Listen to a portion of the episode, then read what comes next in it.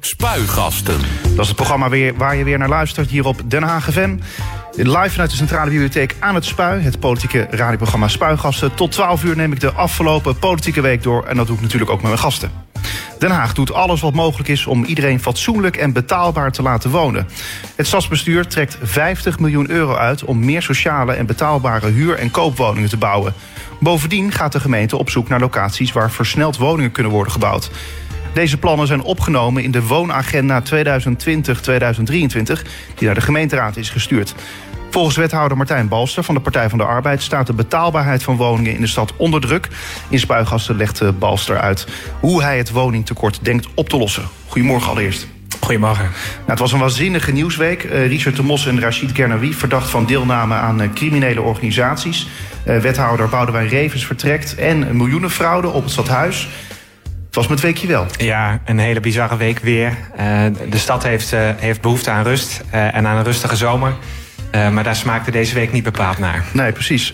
over die miljoenenfraude.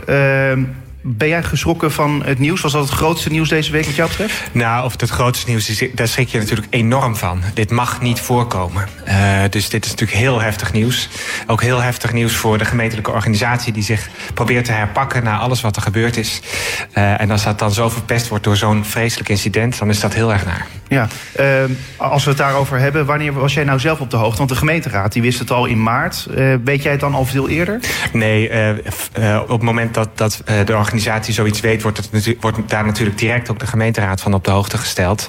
Uh, maar er is ook een juridisch proces natuurlijk, uh, een arbeidsproces dat, dat moet lopen. Dus dat gebeurt dan eerst vertrouwelijk en dan op het moment dat het kan, uh, gaat dat de openbaarheid in. Dus het is niet zo dat op het moment dat, het, ja, dat er alarmbellen afgaan, dat jij dan als collega-wethouder ook meteen wordt geïnformeerd? Wij worden natuurlijk zo snel mogelijk geïnformeerd, maar de raad moeten we natuurlijk ook zo snel mogelijk informeren als dit soort dingen zich voordoen. en gelukkig komt het niet elke dag voor. Ja, uh, dat, dat is één ding dat zeker is inderdaad. Want anders dan gaat het de gemeente Den Haag wel heel veel geld uh, kosten. Want we kunnen die uh, miljoenen goed gebruiken. Uh, daarover gesproken, een uh, financieel controller dus van de gemeente Den Haag... die stelde jarenlang valse facturen op. Hij zou dus voor 1,7 miljoen euro hebben gefraudeerd. De Haagse politiek reageert geschokt, net als, uh, geschokt op het nieuwe integriteitsschandaal op het stadhuis... net als Martijn Balster. De fractieleiders Frans de Graaf van de VVD en Joris Wijsmuller van de Haag Stadspartij... die zijn zometeen te gast. Dat dus straks in Spuigasten. Maar eerst... Het politieke weekoverzicht. Maandag 6 juli. Ja, Den Haag, in Den Haag moeten veel meer groene daken komen. Dat vindt de Partij voor de Dieren in de Haagse gemeenteraad. En daarom zou de gemeente de subsidieregeling die er is... beter onder de aandacht moeten brengen. Ook moeten inwoners sneller in aanmerking komen voor subsidie. De partij dient hier maandag een uh, initiatiefvoorstel over in. Vind je een goed plan, Martijn? Nou, dat uh, groene daken worden gestimuleerd... dat is natuurlijk al, het, al langere tijd het voornemen van het stadsbestuur. Want alles wat, wat vergroent draagt bij... Uh, aan, een, uh, aan een klimaatadaptievere stad, om met een moeilijk woord te spreken. Uh, het is goed voor het klimaat, goed om het water op te vangen, goed voor de stad. Um, en het initiatiefvoorstel is wat dat betreft interessant. er, zit, er is nog echt nog wel wat winst te behalen bij het onder de aandacht brengen van de mogelijkheden die er zijn. En hoe meer mensen daar gebruik van maken, hoe beter. Ik heb altijd het idee dat die subsidieregeling wel ja, op zich wel goed te vinden zijn. Omdat uh, al die potjes met duurzaamheidssubsidies, die zijn er binnen, binnen mum van tijd leeg. Nou, we zien dat dit potje dus nog onvoldoende wordt benut. Uh, dus als dat beter kan, dan is het uh, denk ik heel goed om daarover van gedachten wis te wisselen. En collega Van Tongeren is ook heel intensief bezig met de maatregelen die die vergroening van de stad kunnen versnellen. dus daar gaat ongetwijfeld een, een goed, goede discussie over volgen. en dan hopelijk kunnen we er ook wat versnelling in aanbrengen. Laten we je collega even een beetje helpen. Wat, wat, wat denk jij, wat zou handig zijn? Bijvoorbeeld een betere website of meer in de stad dat te laten zien of folders in de bus? Nou ja, alles wat, wat aan die bekendheid bijdraagt is denk ik goed. Uh, het is fijn als bewoners ook het initiatief kunnen nemen en daar ook bij worden gesteund en worden geholpen als ze hun dak willen vergroenen. Dat draagt gewoon bij aan een mooie stad. Of ga je zelf gewoon bij die mensen zelf even een groen dak aanleggen? Nou, ja. ik heb, we hebben zelf op ons schuurtje een, een groen dak en we denken er ook serieus wel over na om te, om te kijken of we dat nog meer kunnen doen. Oké, okay, maar dan, dan is het dus eigenlijk als be bewoners elkaar moeten informeren daarover. Dat een soort lopend vuurtje. Nou, dat is natuurlijk hartstikke mooi als die, goeie, als die goede verhalen worden verteld. En de gemeente kan er ongetwijfeld ook nog wat extra's aan doen om, uh, om die voorlichting van he, de bekendheid van die regeling goed onder de aandacht te brengen van onze bewoners. Ja, zo is het. Uh, we gaan verder naar. Dinsdag 7 juli. Mensen die vanaf dinsdag een uh, nog te bouwen of te transformeren woning kopen in Amsterdam, moeten daar zelf in gaan wonen. Met deze zelfwoonplicht wil de gemeente het duur verhuren van nieuwbouw zien te voorkomen. Vind je het goed, Martijn, dat, dat Amsterdam dit doet? Ja, ik vind dat heel goed. ze hebben dat een beetje afgekeken van Den Haag. want in Den Haag doen we dat al. Bij nieuwbouw kunnen we die eis stellen dat mensen er ook zelf gaan wonen. Wat we helaas te vaak zien op dit moment is dat woningen, bestaande woningen worden opgekocht. En ook betaalbare woningen worden opgekocht om ze vervolgens heel duur door te verhuren. Er zijn zoveel vragers op de markt, er zijn zoveel woningzoekenden. Dat daar toch ook wel een beetje misbruik van gemaakt wordt. En dat er soms veel te hoge huren worden gevraagd. En dat wil je bij nieuwbouw natuurlijk helemaal voorkomen. Daar kunnen we dat ook voorkomen. Uh, maar ik zou eigenlijk nog veel verder willen gaan dan dat. Uh, uh, dat we dat in de bestaande bouw ook kunnen doen. Met name in die wijken waar die betaalbare koopwoningen als sneeuw voor de zon lijken te verdwijnen. Daar heeft Amsterdam nog geen oplossing voor, wij ook niet. Maar we lobbyen daarvoor bij de minister van, uh, van Wonen, van Binnenlandse Zaken, om dat voor elkaar te krijgen. En dat zit er wel aan te komen. En dan staan wij vooraan in de rij om dat mogelijk te maken. Want waarom moet dat dan weer landelijk geregeld worden? Want bij nieuwbouwwoningen kun je dat als gemeente dat wel zelf besluiten, maar bij bestaande woningen dus niet. Nou, je treedt dan dus in de, de eigendomssituatie die al bestaat. En dat is veel ingewikkelder. Uh, en voor nieuwbouw kan je aan de voorkant uh, eisen stellen aan de, de ontwikkelaars uh, en de, de exploitant van de woning. dus daar kan het wel. Uh, maar wat ik al aangaf, wij zouden heel graag zien dat we dat in de bestaande woningvoorraad kunnen doen. Want dan voorkomen we dat woningen voor veel te hoge prijzen op de markt komen. Ja, uh, en over die nieuwbouwwoning, want je zei van ja, we, we kunnen het doen, we kunnen het opleggen, maar doet de gemeente Den Haag het ook? Ja, we doen het waar we kunnen. Als we bijvoorbeeld eigen grond hebben, dan is het gemakkelijker om dat soort voorwaarden te stellen wanneer, dan wanneer de grond van een ander is. Maar daar waar het kan, doen we dat ook. Maar dat is niet op heel veel plekken, lijkt mij. Jawel, we, we, ja, en we kunnen ook privaatrechtelijk nog wel het nodige doen. Uh, dus we proberen het echt te doen waar, waar het kan. Maar zoals aangegeven, het grootste probleem zit er echt in de bestaande woningvoorraad. Dat is natuurlijk veel groter, een veel groter segment dan wat we nieuw bouwen. Hè. De nieuwbouwproductie is ongeveer 1% van het totaal. Dus dat is niet zoveel. Dus we moeten echt voorkomen in die wijken waar die betaalbare woningen nu echt dreigen te verdwijnen. Die betaalbare koopwoningen, om daar ook die maatregel te kunnen nemen. Woensdag 8 juli. Na een invalbeurt van drie maanden maakt minister Martin van Rijn van de Partij van de Arbeid Medische Zorg plaats voor VVD'er Tamara van Ark. Van Rijn werd door premier Mark Rutte gevraagd de portefeuille over te nemen van Bruno Bruins, die in maart oververmoeid uitviel. Zijn we nou Martin van Rijn heel veel dank verschuldigd? Ja, ik vind het heel erg uh, goed dat hij dit gedaan heeft. Ik vind het ook, vond het ook ongelooflijk mooi om te zien dat de politieke tegenstellingen op zo'n moment ook echt even verdwijnen. Die coronacrisis heeft er ontzettend uh, ingehakt. Uh, er was alles aan gelegen om ervoor te zorgen dat uh, die anderhalve meter samenleving tot stand kwam. Dat we de enorme druk op de, op de ziekenhuizen en op de zorg goed aankonden. Dat daar voldoende capaciteit op was. Na het uh, ja, het trieste vertrek van, uh, van minister Bruins is het heel fijn dat uh, Martin van Rijn die rol op heeft gepakt. om ervoor te zorgen dat we, dat we nou ja, voorlopig even een beetje uit de coronazorgen raken. En dat heeft hij denk ik op een voortreffelijke manier gedaan. Was het denk je nog steeds een strategische keuze van Mark Rutte om een PvdA op die plek te zitten? Zodat je toch een soort van, ja, meer een soort idee krijgt dat het een soort zakenkabinet is in zo'n crisistijd? Nou, misschien heeft dat wel meegespeeld. Maar ik denk dat dat echt voorop heeft gestaan, uh, ook uh, bij onze premier... dat het even niet over politieke verhoudingen moet gaan... maar over hoe we met elkaar uit deze crisis komen. En gelukkig hebben we die gezondheidscrisis nu goed onder controle. Uh, en, en moeten we heel goed kijken hoe dat nou hè, met die anderhalve meter samenleving voortgaat. En hopelijk komt corona niet in de hevigheid terug die we gehad hebben. Maar ik denk dat Martin van Rijn en het besluit van onze premier eraan bijgedragen hebben dat we, dat we dat goede beleid met elkaar hebben kunnen voeren. Ja, dus het is aan de ene kant strategisch, maar aan de andere kant, ja, hij is de beste man geweest op het dossier, omdat hij de meeste inhoud had. Absoluut, hij was natuurlijk direct ingewerkt, want hij was helemaal bekend met, met de onderwerpen en dossier, dossiers. En dat was natuurlijk heel hard nodig in die periode. Kwam notabene ook nog van een ziekenhuis vandaan. Ja, nou, zo zie je Heb maar. je enig idee op wat hij nu gaat doen? Nee, dat weet ik niet. Dat weet het is ik niet zo dat je hem spreekt dat de verhoudingen zo goed liggen? Ja. Nou, ik spreek hem wel eens, maar ik heb hem niet recent gesproken. En hij is daar ongetwijfeld uh, goed over aan het nadenken. En ik kan me ook maar zo voorstellen dat hij een hele heftige tijd achter de rug heeft... en ook even behoefte heeft aan een rustige zomer. Donderdag 9 juli. Dat willen we allemaal wel. Uh, de Haagse wethouder Boudewijn Revers die vertrekt bij de gemeente Den Haag. Na het zomerreces neemt hij afscheid. De VVD'er die wordt directeur terreinbeheer en ontwikkeling bij Staatsbosbeheer. Ik heb in de afgelopen maanden nagedacht over mijn eigen toekomst. En de conclusie getrokken dat ik niet nog een keer lijsttrekker wil zijn bij de verkiezingen. Die zijn over anderhalf jaar, maar dan ben ik tegen die tijd tien jaar wethouder. Dat is een beetje veel gevraagd van mezelf, maar ook voor de partij en misschien ook wel voor de stad. Waarom? En uh, ik denk dat dit een baan is die per definitie uh, eindig is. Uh, je kan het een aantal jaren op een goede manier uh, doen met alle energie die je hebt. Dat is op dit moment nog het geval. Ik ga iedere dag met plezier naar mijn werk.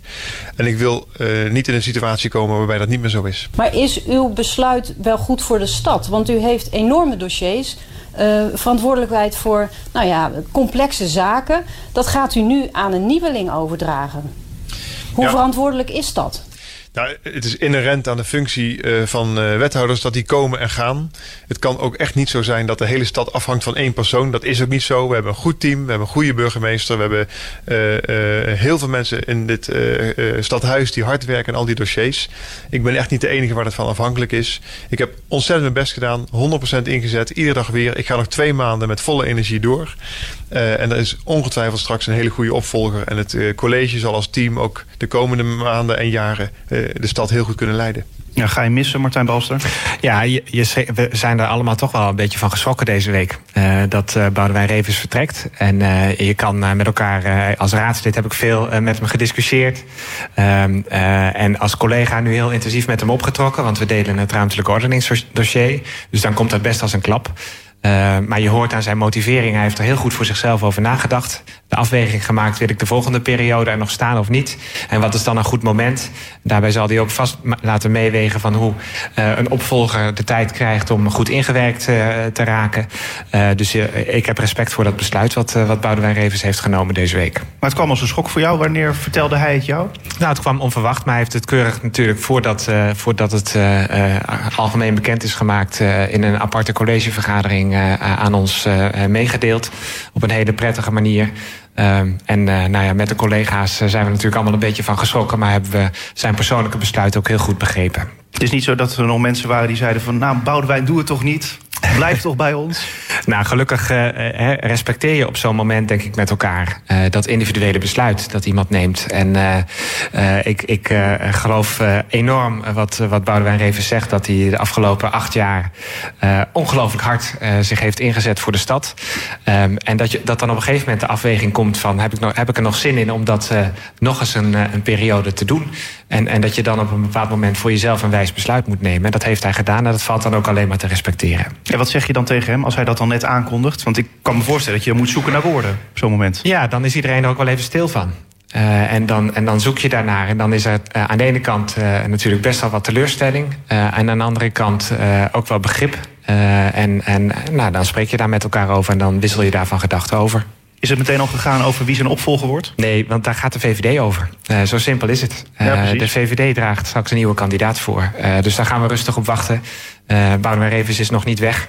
dat zal eind september gebeuren. Dus er is nog even tijd. dat wachten we rustig af. Het is niet dat je al namen hebt gehoord?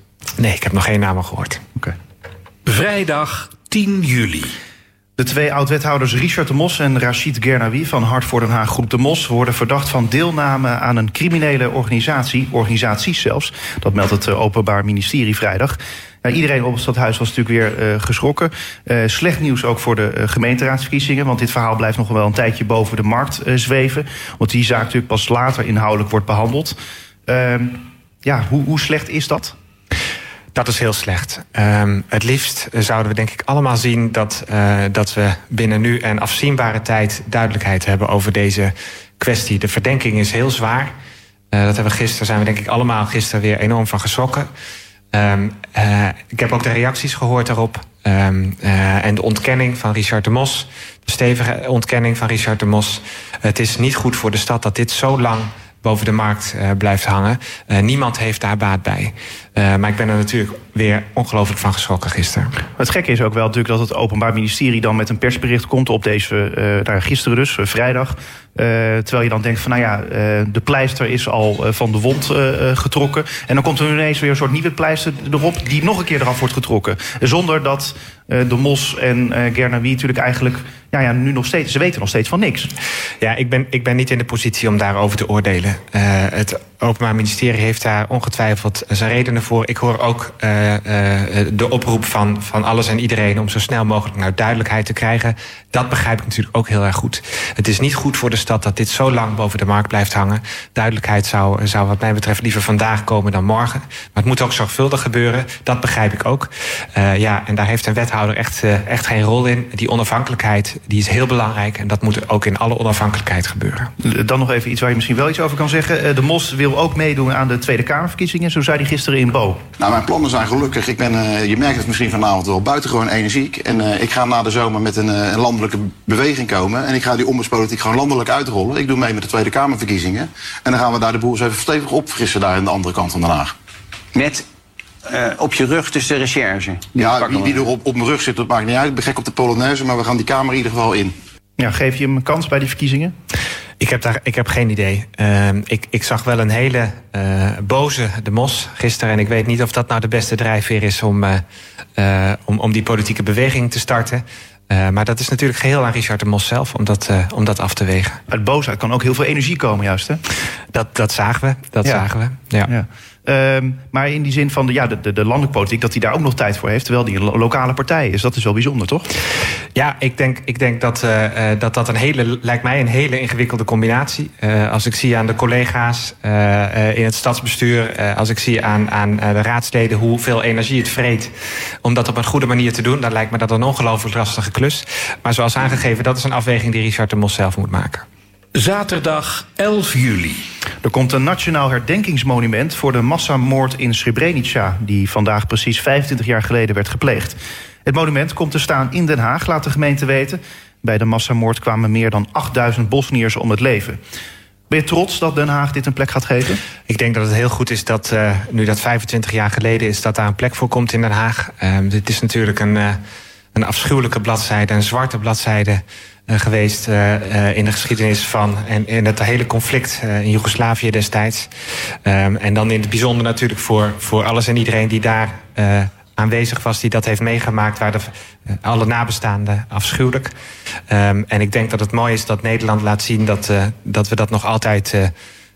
nou ja, op, op, dat we dat willen herdenken op een, op een hele waardige en goede manier. Vandaag is ook de herdenking in Den Haag in het verband met corona heel bescheiden. Um, um, maar ja, zo'n zwarte bladzijde, het is van belang voor alle nabestaanden en voor wat daar uh, he, in het belang van die afschuwelijke gebeurtenis die daar heeft plaatsgevonden, dat we dat op een goede manier herdenken. Dus ik denk dat het goed is dat het monument er komt. De vraag is alleen, uh, waar, op welke plek in Den Haag komt dat monument? Ja, nou, dat... Gaat Robert van Asten daarover? Want die ging over het monument, begreep ik. Dat is een goede vraag. Uh, maar die vraag waar, waar, het, uh, waar het monument komt... zal in de, de komende tijd natuurlijk beantwoord moeten worden. Ik denk dat, hè, dat we dit, dit signaal nu geven... dat het monument in Den Haag komt, dat dat een goed gebaar is. en dan zullen we natuurlijk ongetwijfeld in overleg met iedereen uh, die daarbij betrokken is, kijken wat daarvoor de beste plek zal zijn. Heb je daar een idee voor? Nee, ik heb daar niet direct een uh, idee voor. Dat lijkt me ook echt, uh, dat, dat moet de portefeuillehouder doen, om het maar zo te zeggen, in goed overleg met alles en iedereen die daarbij betrokken is. Ik dacht, ik help je collega's een beetje. Jij zelf dan ook? ik vind dat eerlijk gezegd niet de belangrijkste vraag waar het monument komt. Ik vind het vooral belangrijk dat het monument komt en dat we recht doen aan die aan het herdenken, het belang van het herdenken van die afschuwelijke gebeurtenissen 25 jaar geleden. Tot zover het weekoverzicht. En meer nieuws vind je op onze website denhagfm.nl. Spuigasten. 100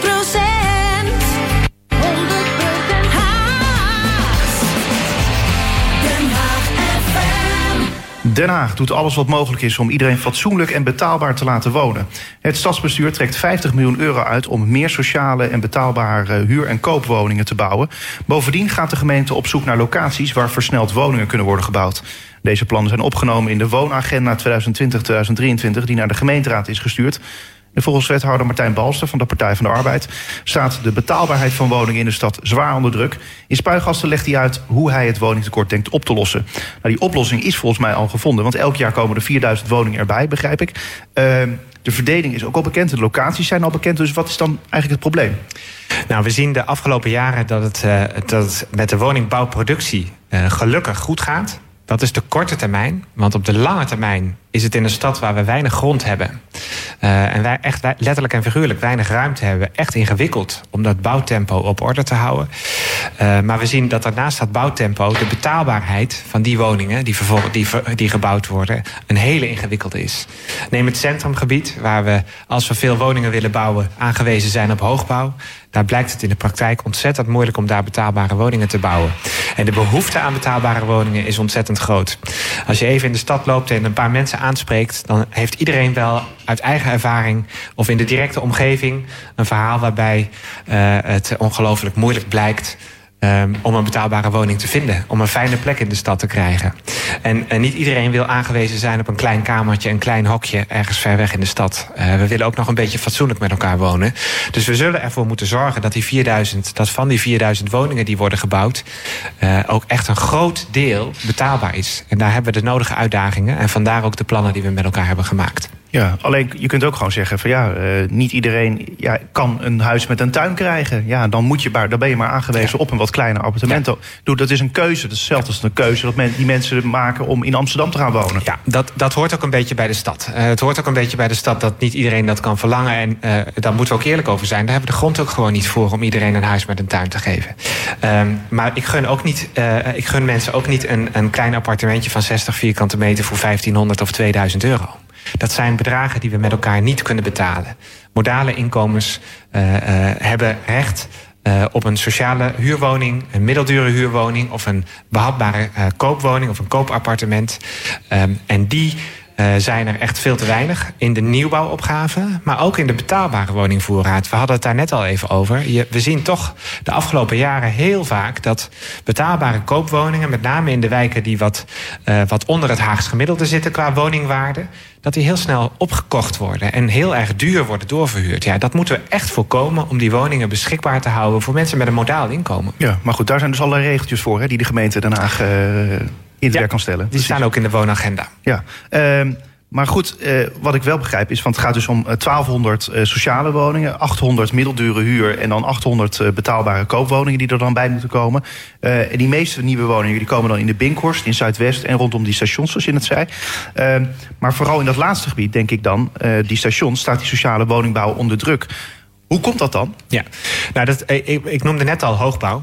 Uh, dat is een van de factoren. Als je hoger dan 70 meter uh, bouwt, dan is het qua constructie dermate duur om te bouwen dat het bijna niet uit kan om daar sociale woningbouw in te realiseren.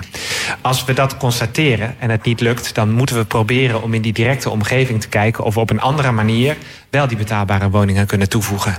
Uh, het is een heel dicht gebied. Daar komt ook nog bij dat we bijvoorbeeld verkeerstechnisch en qua groen de nodige uitdagingen hebben. En de openbare ruimte. Want hoogbouw vraagt ook een, uh, wat we noemen een footprint. Maar de, de, de, buitenruimte die daar weer bij past. Want mensen willen ook naar buiten. Ja. En moeten ook op een goede manier naar buiten kunnen. Dat vraagt grote investeringen. Um, daar trekken wij zelf heel veel geld voor uit. Hè. Het stadsbestuur heeft die 50 miljoen voor betaalbare woningbouw. Maar ook nog eens 20% van de Eneco-middelen beschikbaar. Om ook in die buitenruimte Uh, en in betaalbare woningvoorraad uh, te investeren. Uh, dat is ontzettend nodig. En we doen daarbij ook een beroep op de Rijksoverheid. Want de Rijksoverheid heeft versnellingsmiddelen beschikbaar, 1 miljard. Waar we nu ook met een aantal voorstellen een beroep op doen. Om die ontwikkelingen ook binnenstedelijk mogelijk te maken. Want het uitgangspunt voor ons is wel dat we overal betaalbare woningen willen realiseren. Ook als dat wat moeilijker is. Ja, want ik begrijp de, de moeilijkheid wel van... Ja, dat zagen we hier bij het Spuikwartier. Daar waren natuurlijk eerst in eerste instantie sociale woningbouw ja. ook uh, gepland. Een bepaald aantal. Nou ja, toen zagen we uiteindelijk dat het toch weer werd verschoven... richting stationsgebied. Nou ja, en nu krijgen wij het idee dat er in het stationsgebied ook niet... Uh, ja, dat het ook niet echt overal mogelijk is om die sociale woningbouw. Dus dan verschuift het ja. uh, steeds meer. Dus straks zitten die sociale woningbouw pas in Ipenburg. Nou, we moeten, we moeten er realistisch over zijn. Het zal echt niet overal gaan lukken. Uh, dat is zo. Maar dan hebben we wel met elkaar het uitgangspunt dat we dat willen compenseren. Om ervoor te zorgen dat op het totaal die woningen gebouwd worden. Want dat is echt heel hard nodig. Snelheid kunnen we maken als het gaat om betaalbare woningen. Bijvoorbeeld in Zuidwest of op de Binkhorst. Daar maak ik me geen zorgen dat het, uh, dat het niet gaat lukken. Dat gaat lukken. Maar in het centrum is het buitengewoon ingewikkeld. En daar waar het dan niet lukt, proberen we te compenseren. Want ik heb echt uh, uh, een enorme drive om ervoor te zorgen dat iedereen met een modaal inkomen ook gewoon in onze stad kan wonen. Dat is ongelooflijk belangrijk. Eén op de twee Hagenaars heeft eigenlijk gewoon recht op een sociaal huurhuis. Dat lukt nu al bij lange na niet. Die wachttijden lopen ontzettend op. Er is een enorme behoefte aan middeldure huur en ook aan betaalbare koop.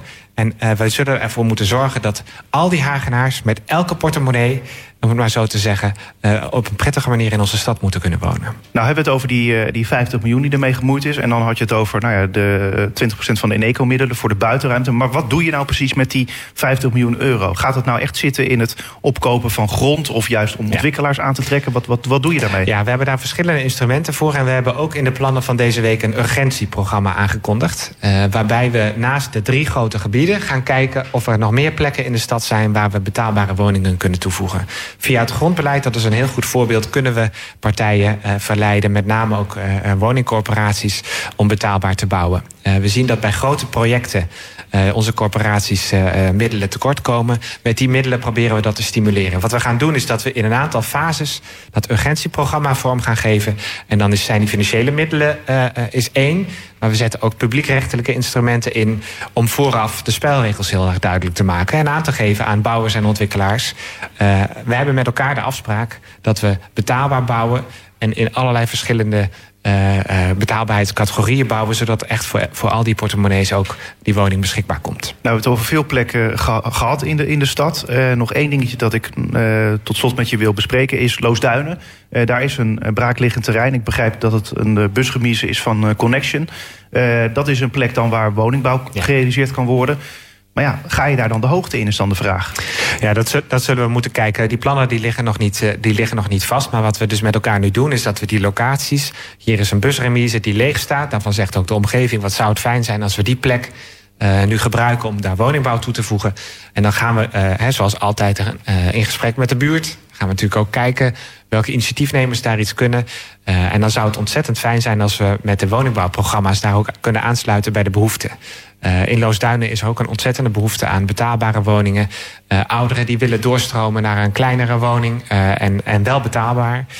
een behoefte aan, ook een enorme behoefte voor starters om, om te kunnen wonen. Dan gaan we natuurlijk kijken hoe we en daar voldoende woningen kunnen realiseren, maar ook passend bij, bij de buurt. En daarover gaan we natuurlijk dan de gesprekken aan. Ja, die bewoners daar willen natuurlijk weten hoe hoog wordt dat gebouw dan straks? Ja, maar daar zullen we. Complex. Kijk, dat moeten we zorgvuldig doen. Hè? En, ja. en dan gaan we, daar, die plannen gaan we dan maken, ook op basis van het urgentieprogramma. Dat zullen we op meer plekken in de stad moeten doen. Uh, en er, er zijn ook echt meer plekken waar we dat op een fijne manier kunnen doen. En altijd met als uitgangspunt om en te voorzien in die grote behoefte aan betaalbare woningen. En ervoor te zorgen dat het een, een betere plek wordt. Dat de stad er ook een beetje mooier van wordt. Moet ik zeggen, succes of sterkte? Nou, succes, want we hebben heel veel ambitie om dit te doen. Uh, het zijn hele uitdagende tijden, dat weet ook iedereen. Uh, met ook uh, corporaties die het best moeilijk hebben. Uh, en een zwaar beroep op de Rijksoverheid om dit op een goede manier te doen. Maar die ambitie is heel stevig in het belang van al die mensen die op zoek zijn naar een betaalbare woning in de stad. Succes. Martijn Balster, dankjewel. Dankjewel. Een financieel controller van de gemeente Den Haag die stelde jarenlang valse facturen op. Hij zou voor 1,7 miljoen euro hebben gefraudeerd. De Haagse politiek reageert geschokt op het nieuwe integriteitsschandaal op het stadhuis. De fractieleiders Frans de Graaf van de VVD en Joris Wijsmuller van de Haagse Stadspartij die zijn te gast. Goedemorgen allereerst. Goedemorgen. Ja, nog even zonder Frans de Graaf, maar die ja, komt die eraan. zal zo wel komen. Ja. Precies. Uh, het was natuurlijk de week van de frauderende ambtenaar op het stadhuis, maar ook de week van wethouder Boudewijn Revens die zijn vertrek aankondigde. Uh, ja, Joris, je hebt natuurlijk ook met Revens uh, samengewerkt als wethouder in het college. Ja. Had je daar toen goed mee samengewerkt? Wat, wat, wat voor collega was het? Nou, het is een goede bestuurder, uh, dat zonder meer. Het is een sterke bestuurder, een ervaren bestuurder. Uh, maar ik had er af en toe natuurlijk ook wel met hem aan de stok. En dat heeft ook te maken dat wij uh, soms verschillend over dingen dachten. Maar vooral omdat wij een verschillende manier van politiek bedrijven. Uh, hadden. Kijk, bij Revens is afspraak is afspraak en die is altijd uh, van het wielen en dealen en uitreilen. En ik ben meer van de inhoudelijke discussie en ook mijn partij is daar meer van open bestuurscultuur. En daar hebben we wel af en toe botsingen met elkaar gehad. Dus uh, wat dat betreft was die samenwerking aan de ene kant goed, maar aan de andere kant ook niet altijd even makkelijk. Nee, ik kan me voorstellen. Maar, maar toch, Gloed is wel iemand die, nou ja, denk nu in het college in elk geval ja, het meeste heeft meegemaakt, meeste bagage heeft, dus meeste ervaring. Dat, dat, wat voor impact heeft dat dan op het stadsbestuur dat zo iemand het stadsbestuur gaat verlaten? Nou, Ik ben nogal uh, verrast. Kijk, dat hij op een gegeven moment aankondigt van... ik ga niet nog een termijn uh, lijsttrekker worden. Alle respect ervoor. Uh, en dat hij daar zijn partij de voor wil geven, prima. Maar of je dan ook meteen zelf moet opstappen... en dan uitgerekend in zo'n periode... hij is nu eigenlijk al de vierde bestuurder van het college... die deze periode opstart. Want we hebben natuurlijk twee wethouders die gedwongen weg moesten... een burgemeester die gedwongen weg moest. En nu stapt hij zelf ook op. Um, dat is nogal wat. En zeker omdat hij zo'n uh, belangrijke spil is uh, in dit college, ook in het vorige college, met zijn ervaring. Uh, ik zie hem gewoon als de architect van dit college. Um, hij is natuurlijk ook nog een wethouder die naast stadsontwikkeling, grote portefeuille, ook nog financiën erbij kreeg. Dus dat doet hij nu vanaf december. Um, en er zijn juist ook een hoop financiële vraagstukken. Uh, zeker ook door corona moeten er gewoon echt keuzes worden gemaakt in de nieuwe begroting. En dan uitgerekend op zo'n moment uh, vertrekken. Uh, ja, ik heb daar wel vraagtekens bij. Ik zou dat niet doen. Ik zou die verantwoordelijkheid als stadsbestuurder nemen om in ieder geval deze periode nog een paar stappen verder te zetten voordat je zelf vertrekt. Frans de Graaf, ook welkom. had je ook vraagtekens bij het vertrek van Revis? ik vind het vooral heel erg jammer. Uh, want ik ben met Joris eens. Uh, kijk, het is een hele goede bestuurder. Er is veel uit zijn handen gekomen. En, uh, en er zijn natuurlijk heel veel plekken in de stad... als je door de stad wandelt... die mooier en beter zijn geworden... Uh, door de inzet van Boudewijn. dus ik zie hem niet graag gaan. Dus ik, ik vind het eigenlijk vooral erg jammer. Ja, kan ik me voorstellen. Ehm, heb je al een idee voor een opvolger voor Boudewijn Revis? Want ik begreep dat jij het in elk geval niet gaat doen. Nee, dat klopt. Ik ben op dit moment fractievoorzitter. Dat vind ik ook een hele mooie en eervolle functie. Ik heb daarnaast ook nog een leuke baan bij de provincie Zuid-Holland. En ik heb voor mezelf besloten dat, uh, dat ik dat op, dat moment, op dit moment beter vind dan, uh, dan wethouder worden. Uh, dus ik, ik, ik, ben zelf niet kandidaat om op te volgen. Boudewijn heeft aangegeven dat hij tot half september blijft. dus we hebben gelukkig even de tijd om een goede opvolger te zoeken, want dat zal niet meevallen. dus we zijn daar nu ons op aan het oriënteren als fractie. Ja, maar heb je al mensen op het oog? Nee, want we, wat ik zei, we hebben dus even de tijd. Dus we zijn ons nu echt aan het oriënteren van uh, uh, wie is er beschikbaar, wat, wat, wat voor type wethouder gaan we zoeken. Um, en daar willen we echt even de tijd voor nemen. Ja, want ik begreep dat Boudewijn Revens afgelopen dinsdag bij de collegevergadering het dan heeft uh, gezegd. Of in elk geval deze week bij de collegevergadering tegen zijn collega-wethouders van dat hij zou vertrekken. Donderdag heeft hij het ook aan de gemeenteraad medegedeeld. Maar jij wist het vast al iets eerder. Ik wist inderdaad al iets eerder, ja. Ja, en hoe ging dat dan? Hoe zo ging, ging zo'n gesprek?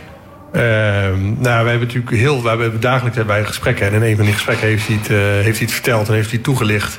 Uh, en die toelichting was overigens niet heel veel anders dan wat hij in de brief aan de raad eh, schreef. Ehm, nou ja, kijk, en dan blik je, je, je, je werkt heel intensief samen. je mag elkaar ook graag. Ehm, dus ja, dan, dan sla je elkaar ook wel even op de schouder. met anderhalve meter afstand natuurlijk. Uh, en zeg je van god, er komt, komt een einde dus aan een hele mooie samenwerking. Ja. ja Joris, ik bedoel, ze zijn zich aan het, uh, de VVD zich aan het oriënteren op wie moet de nieuwe wethouder worden. Heb je al ideeën? Nee, maar dat is dus nu juist het probleem. Wie gaat nog in deze resterende uh, anderhalf jaar van deze raadsperiode uh, zulke zware portefeuilles in zo'n korte tijd op een goede manier oppakken? Voor een nieuwe wethouder, een nieuwe lijsttrekker is dat wel haast ondoenlijk, denk ik. Dus dat betekent dus dat je waarschijnlijk uitkomt op een oude rot die al ervaren is. Uh, en dan kan je gaan speculeren. Maar goed, uh, dat is aan de VVD wie dat gaat komen. Maar de, ik vind dus het vertrek op dit moment is wel een probleem. Want je zadelt wel het college, maar zeker ook de partijen op... om daar een goede vervanger voor te vinden... die echt die zware portefeuilles... juist in deze tijd dat er zoveel reuring is. Er is ook nog veel te verantwoorden. we komen dadelijk te spreken over integriteitskwesties. nou, een van de integriteitskwesties speelt onder zijn verantwoordelijkheid. Dat gaat over een topambtenaar die niet is ontslagen, maar moest vertrekken. Uh, omdat er dingen waren gebeurd die niet uh, konden. en daar is de gemeenteraad nog volop over in gesprek. we hebben daar, vorige week heeft de gemeenteraad daar nog 4,5 uur vertrouwelijk over vergaderd. Er moet nog echt een publiek debat over komen. En er moet ook echt publieke verantwoordelijkheid, politieke verantwoordelijkheid over worden genomen. En dat is toch echt aan de heer Revens. En die vertrekt dus vlak voordat dat debat vindt. Want het zal dus Mag ik daar wat over zeggen, Ivar? Die vertrekt, die vertrekt ik vind, dan. Ik vind... Ja. Kijk, uh, ik denk het moment waarop Boudewijn Reeves heeft aangekondigd dat hij gaat aftreden, maakt het juist geen probleem. Ja, de VVD is een, is een bestuurderspartij. Uh, dat wordt wel eens als nadeel geschetst, maar het is ook een heel groot voordeel, want we hebben heel veel geschikte kandidaten. Uh, in, in, allerlei soorten en maten. Dus het is juist, dat we daar nu even de tijd voor hebben, dat het denk ik juist heel goed is en, en, en ik heb er geen moment twijfel over dat we dus uh, gewoon met een goede, volwaardige kandidaat komen... die die grote schoenen van Boudewijn Reeves kan uh, vullen. Uh, het is, het is uh, spijtig dat natuurlijk sommige onderwerpen... en zelfs sommige debatten niet zijn afgemaakt. Het is wel zo dat in de, het voorbeeld wat de heer Wijsmuller aanhaalt... heeft zowel een heel uitgebreid openbaar debat plaatsgevonden... als nee. een heel uit, uitgebreid geheim debat... Uh, allebei in de commissie uh, ruimte. Ja, dat, je, kunt, je kunt je hoofd je schudden, maar het is wel waar. We hebben eerst een openbaar gehad en daarna een geheim debat gehad. Ja, en het openbaar waarin, debat ging waarin, over, over waarin Boudewijn Reeves heel uitgebreid ook verantwoording heeft afgelegd over het, over het dossier en Amare. Ja, alleen het lastige is nog steeds wel van ja, wat, dat zegt Joris, het is niet het goede moment om afscheid te nemen als uh, wethouder. Waarom had hij niet gewoon toch gewoon tot aan de verkiezingen wethouder kunnen blijven? Dat had toch makkelijk gekund? En dan zet je een nieuw, nieuwe lijsttrekker ja. op, uh, op het schild. Ja, kijk, hij loopt. Uh, volgens mij zijn er een aantal dingen die daar meespelen. Op het moment dat je echt, echt de politiek leider bent van een, van een partij, wat hij is. Uh, en je kondigt ja, aan dat je niet nog een keer doorgaat als lijsttrekker.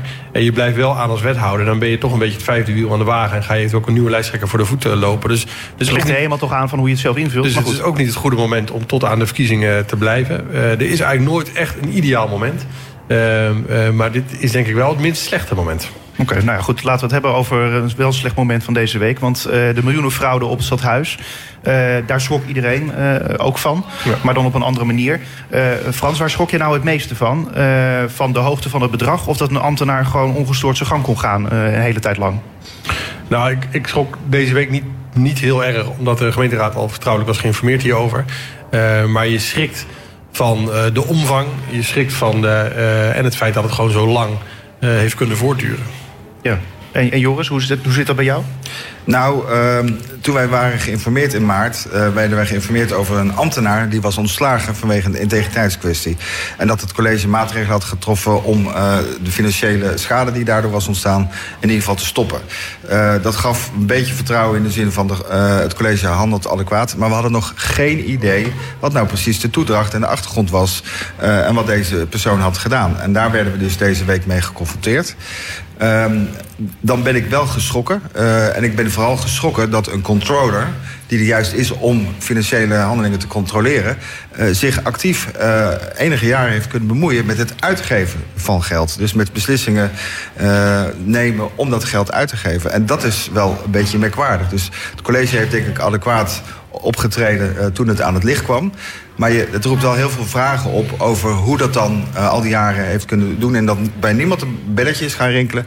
Dat een controller, die dus niet uh, de uitvoering en de uitgaven van geld bepaalt. maar die juist controleert of dat op een goede manier gebeurt. dat die toch uh, in staat is geweest om allerlei opdrachten te kunnen verstrekken. Maar Joost, het is misschien ook wel een beetje zo... Als je kwaad wil doen, dan kan dat altijd wel. Toch, lijkt mij. Uh, en dan komt het op een gegeven moment aan het licht. In dit geval is het ook aan het licht gekomen. Natuurlijk. Uh, en de gemeente Den Haag heeft, uh, is een hele grote werkgever. We hebben 9000 ambtenaren in dienst.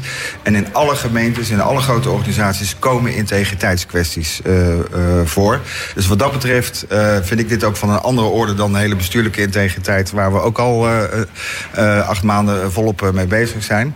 Maar dat neemt niet weg... dat dat in een organisatie iedereen wel zijn eigen rol en taak heeft. En als iemand zich daar niet uh, aan houdt en dus andere dingen gaat doen dan wat precies zijn taak is, dan verwacht je toch in een organisatie dat dat wordt opgemerkt. Dan verwacht je toch dat daar kritisch vermogen is om uh, daar misschien al eerder uh, over aan uh, de bel te hangen. Dus dat is nog een debat wat we nog moeten gaan voeren met de wethouder die verantwoordelijk is voor ambtelijke integriteit, mevrouw Breines. Ja, Frans, um, als we het al hebben over het kritisch vermogen, welke lessen kunnen er getrokken worden na dit voorval? Dat is denk ik nog te vroeg. Kijk, ik, ben wel, uh, ik vind wel dat er lessen moeten worden getrokken. In die zin ben ik het helemaal eens met de Joris Wijsmuller. Dat, dit, roept, dit vragen op hoe lang het zo lang heeft kunnen voortduren. Hoe iemand met zo'n functie in zo'n positie is terechtgekomen. En wat we dus ook moeten gaan doen. wat, wat de gemeente en wat het college kan doen om dit te voorkomen. Ehm, want er moeten wel lessen worden getrokken. Ja, daar ben ik het, daar ben ik het mee eens. Ja, Joris, heb je al ideeën daarvoor? Nou, kijk, we moeten deze casus... We, we hebben nu wel veel informatie gekregen via uh, zeg maar de uitspraak van de rechtbank.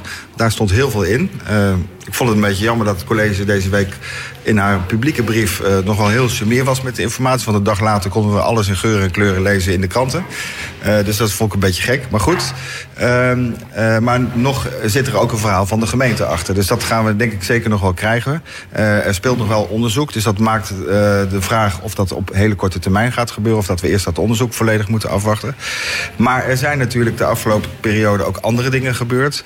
en er zijn ook veel acties in gang gezet op het gebied van integriteit.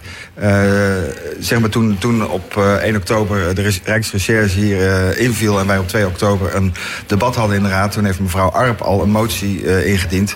om dat integriteitsbeleid te evalueren en te actualiseren. die werd toen ook zeker aangenomen. Vervolgens heeft de heer Remkes ontzettend veel zaken gedaan. Hij heeft een meldpunt integriteit ingesteld. Hij heeft een integriteitsscreening van het college gedaan... met allerlei aanbevelingen. Hij heeft een kerstboombrief ook over de integriteit van de gemeenteraad. De gemeenteraad heeft inmiddels zelf ook een werkgroep integriteit ingesteld. Uh, er is een extern bureau door uh, het college ingeschakeld om het integriteitsbeleid van de gemeente te onderzoeken. Het college heeft een nieuw integriteitsplan vastgesteld. en wij krijgen, als het goed is, komende week weer een voortgangsbrief over die integriteit. En die gaan wij denk ik na de zomer met elkaar bespreken.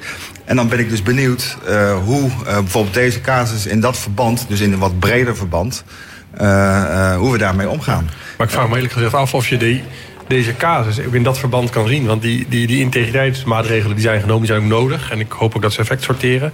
Uh, maar we hebben hier natuurlijk ook. Dit, we hebben, deze casus gaat over crimineel gedrag. Dit gaat niet over, over voorschriften en, soort, en dat je de goede houding hebt. Uh, om, om in tegen te handelen. Dit is gewoon, gewoon een crimineel die die 2 miljoen heeft gestolen. Ja, maar dat is juist het lastige van de integriteit. Natuurlijk, uh, dit zijn uh, strafbare feiten en dat kan je crimineel uh, gedrag benoemen. Alleen integriteit zit ook vaak in een ja, grijs vlak, in een hellend vlak. en dan gaat het dus over of je in je organisatie, in de cultuur van een organisatie, in onze politieke cultuur, of daar voldoende kritisch vermogen is georganiseerd, of mensen in staat zijn om uh, dingen te signaleren. Of er voldoende checks en balances zijn, zoals dat dan heet. Uh, en dan uh, kan deze casus ook zeker in dat verband ja. worden gezien. Maar op zich, die, die, die checks en balances waren er uiteindelijk wel. Want die alarmbellen gingen uiteindelijk af. Alleen het was pas na 1,7 miljoen euro. Ja, en uh, nadat er dus al 58 uh, opdrachten waren uh, verstrekt. Dus ja, nee, dan, en dat heeft dus al enige jaren kunnen duren. Dus ik ben blij dat er in december een aantal oplettende ambtenaren zijn geweest... die denken van, hé, hey, wat is dit voor een factuur? Ik ken dat bedrijf niet, we gaan dat dus na. Toen is dat zaakje gaan rollen. Toen is er ook een onderzoeksbureau meteen opgezet. En zodra de uitkomsten daarvan bekend waren... heeft het college ook meteen de betrokken ambtenaar ontslagen. En daarna ook nog beslag laten leggen. Dus wat dat betreft zie ik wel allerlei goede stappen uh, door het uh, college. Uh, maar de weg daar naartoe, de weg daarvoor... en dat daar misschien dingen gebeuren waarvan iemand denkt van... hé, hey, hoort het wel zo? Uh, en dat er dan dus kennelijk niet de cultuur is om dat even met elkaar gewoon te signaleren. Kijk, ieder bestuur heeft bijvoorbeeld recht op goede oppositie. En dat wil niet zeggen dat iedere kritiek dat die ook waar is. Maar je houdt elkaar scherp. Uh, en daar wordt beleid alleen maar beter van. Maar dat geldt ook voor het ambtelijk functioneren. Als er dingen zijn die niet, uh, waarvan je denkt dat klopt niet, wil niet zeggen dat je daar gelijk in hebt. Maar als je dat bespreekbaar maakt, dan kun je daar uh, allemaal je voordeel mee doen. En dat, dat gaat dus over die cultuur, of daar voldoende kritisch vermogen ook in die organisatie zit. En daar hebben we denk ik nog wel een paar slagen te maken. Ja, Frans, hoe ga je nou ervoor zorgen dat die ambtelijke organisatie uh, ja, bij de gemeente Den Haag, dat die toch wat kritischer wordt op zichzelf misschien? Um, ja, kijk, dat, dat, daar zitten eigenlijk twee dingen in die volgens mij met elkaar in tegenspraak... Uh, tenminste, die lijken met elkaar in tegenspraak, maar dat is niet zo. Kijk, ten eerste uh, moet je de juiste checks en balances en controlemechanismes inbouwen. En dan moet je als gemeenteraad, vind ik, ook kritisch zijn op wat het college daar doet. Uh, en tegelijkertijd moet er ook een cultuur zijn, ehm, ook binnen het ambtelijk apparaat... waarin het eigenlijk aangemoedigd wordt en normaal wordt... dat als je misstanden ziet, dat je die ook meldt... Uh, zonder dat je dan daarvoor hoeft te vrezen dat je naam uh, uh, verschijnt in kranten of in gemeenteraadsdebatten of, in, of dat je naam op straat komt te liggen. Want dat is, is natuurlijk heel kwetsbaar. En dan, en dan loop je ook het risico dat mensen minder gaan melden. Dus, dus enerzijds vind ik het ook heel schadelijk wat er nu gebeurt. En ben ik ook wel bang van, goh, nu straks krijg je ook een soort sfeer dat mensen niks meer durven te melden. Dus ik, ik dus laat ik zo zeggen, ik heb ook heel veel vertrouwen in het ambtelijk apparaat van Den Haag. Want ik weet, Joris zei, er werken 9000 eh, mensen of zo. Dit, het over, over, overgrote deel doet gewoon integer en, en zorgvuldig en naar beste weten zijn werk. Ehm, en achter die mensen wil ik ook echt als, als fractievoorzitter, wil ik, daar, daar sta ik achter. Ehm, en, het, en we moeten ons echt focussen op de rotte appels. En zorgen dat, dat, de, dat de rest van het ambtelijk apparaat ook gewoon het vertrouwen heeft om integer zijn werk kunnen, kunnen doen, maar ook om misstanden te kunnen melden. Ja, maar het ambtelijk apparaat, tuurlijk. Uh, en het is ook heel schadelijk, zoals de berichtgeving nu naar buiten komt, voor al die uh, hardwerkende mensen die uh, super loyaal en super trouw zijn en zich inzetten voor de publieke zaak. Maar voor ambtenaren is het ook belangrijk dat het bestuur daar ook het goede voorbeeld in geeft. En ik denk dat daar ook een beetje de crux zit van de hele afgelopen periode. het is ook niet voor niets dat burgemeester Remkes bij zijn vertrek nog zei van uh, die wethouderscultuur hier, die moet echt anders. Dus als het bestuur al laat zien dat ze open kunnen zijn, durven zijn, dat ze elkaar durven aanspreken, dat ambtenaren ook signalen kunnen afgeven richting die bestuurder van hé, hey, zo gaat dat niet. en dat dat in ieder geval niet leidt tot consequenties, maar dat het leidt tot verbetering van het beleid. Daar begint het mee. Dus ik denk dat het bestuur daar de sleutel in handen heeft door het goede voorbeeld te geven. En ik ben ook heel blij met de nieuwe burgemeester die is gekomen. Want ik heb het volste vertrouwen in dat hij als hoeder van de integriteit, want het is ook zijn wettelijke taak, dat hij daar uh, weer ook uh, kan helpen om de Den Haag uh, goed weer op de kaart te zetten. Ja, integriteit ja. staat op, op eigenlijk het bovenaan het lijstje op de politieke agenda. natuurlijk na die inval op 1 oktober, daar kort nog even over gesproken. Richard de Mos en Rachid Gernawi van Hart voor Den Haag die worden nu verdacht van deelname aan criminele organisaties, meldde het Openbaar Ministerie gisteren. dat lijkt me voor jullie beide ook slecht nieuws voor de gemeenteraadsverkiezingen. Want ik begreep in elk geval dat het, uh, ja, het onderzoek en dus ook de verhoren... dat gaat allemaal nog lang duren. En de inhoudelijke behandeling, uh, dat gaat nog veel langer duren. Uh, dus dat wordt ook nog onderdeel van die verkiezingen, Joris Wijsmuller. Ja, nou, we wisten dat uh, vorig jaar eigenlijk ook al... dat het heel lang zou kunnen gaan duren. Dat hebben we ook gezien bij eerdere zaken elders ja. in Nederland. Maar dan hoop je toch nog dat het misschien toch voor de verkiezingen ja, duidelijk wordt. En wat nu duidelijk is, dit gaat niet met de sisser aflopen. Uh, sterker nog, het Openbaar Ministerie heeft er nog een schepje bovenop gegooid... als het gaat om de verdenkingen. Uh, en dat gaat inderdaad als, een, als een donkere wolk de komende periode met ons mee... Uh, en ja, je hoopt, en daar hebben al heel veel mensen zich over uitgesproken, dat doe ik ook, uh, dat het Openbaar Ministerie zich beseft hoe schadelijk dat is voor publiek bestuur. En dat dus ook het tempo waarin zo'n zaak kan worden uh, voortgezet, dat dat heel belangrijk is, dat dat niet onnodig lang wordt uitgesmeerd. Dus ik hoop echt dat daar inderdaad volgend jaar toch snellere stappen worden gemaakt. Maar ik vrees uh, dat, uh, dat dit zelfs gewoon onderdeel wordt van de komende verkiezingscampagne. En dan gaat het dus echt niet over de dingen die voor de stad uh, het belangrijkste zijn. En dat is heel schadelijk voor Den Haag. Ja, Frans, maak je daar ook zo zorgen over? Kijk je met vre grote vrezen naar de gemeenteraadsverkiezingen omdat dit dan het onderwerp wordt? Nou, kijk, um, dat zou wel slecht zijn, want je kunt het inderdaad beter hebben over dingen die goed zijn voor de stad. Kijk, er is natuurlijk een manier om dat te voorkomen. En dat is als de, de, de verdachten die op dit moment in de gemeenteraad zitten... zich gewoon terugtrekken uit het politieke leven totdat er een uitspraak is. Dat zou bij iedere normale partij zou dat het, uh, zou dat het gebruik zijn. Hè. Bij de, als het bij mijn partij zoiets zou gebeuren... zouden die verdachten echt al lang en breed uh, weg zijn. Ik zou kiezen ervoor om dat niet te doen. Uh, en daarmee wordt het wellicht ook een onderwerp van de campagne over anderhalf jaar. Maar ik kijk daar niet met vrees naar. Want ik, ik denk niet dat dat heel goed is voor de partijen in de kwestie. Nee, maar goed, het wordt niet echt een leuke campagne zo.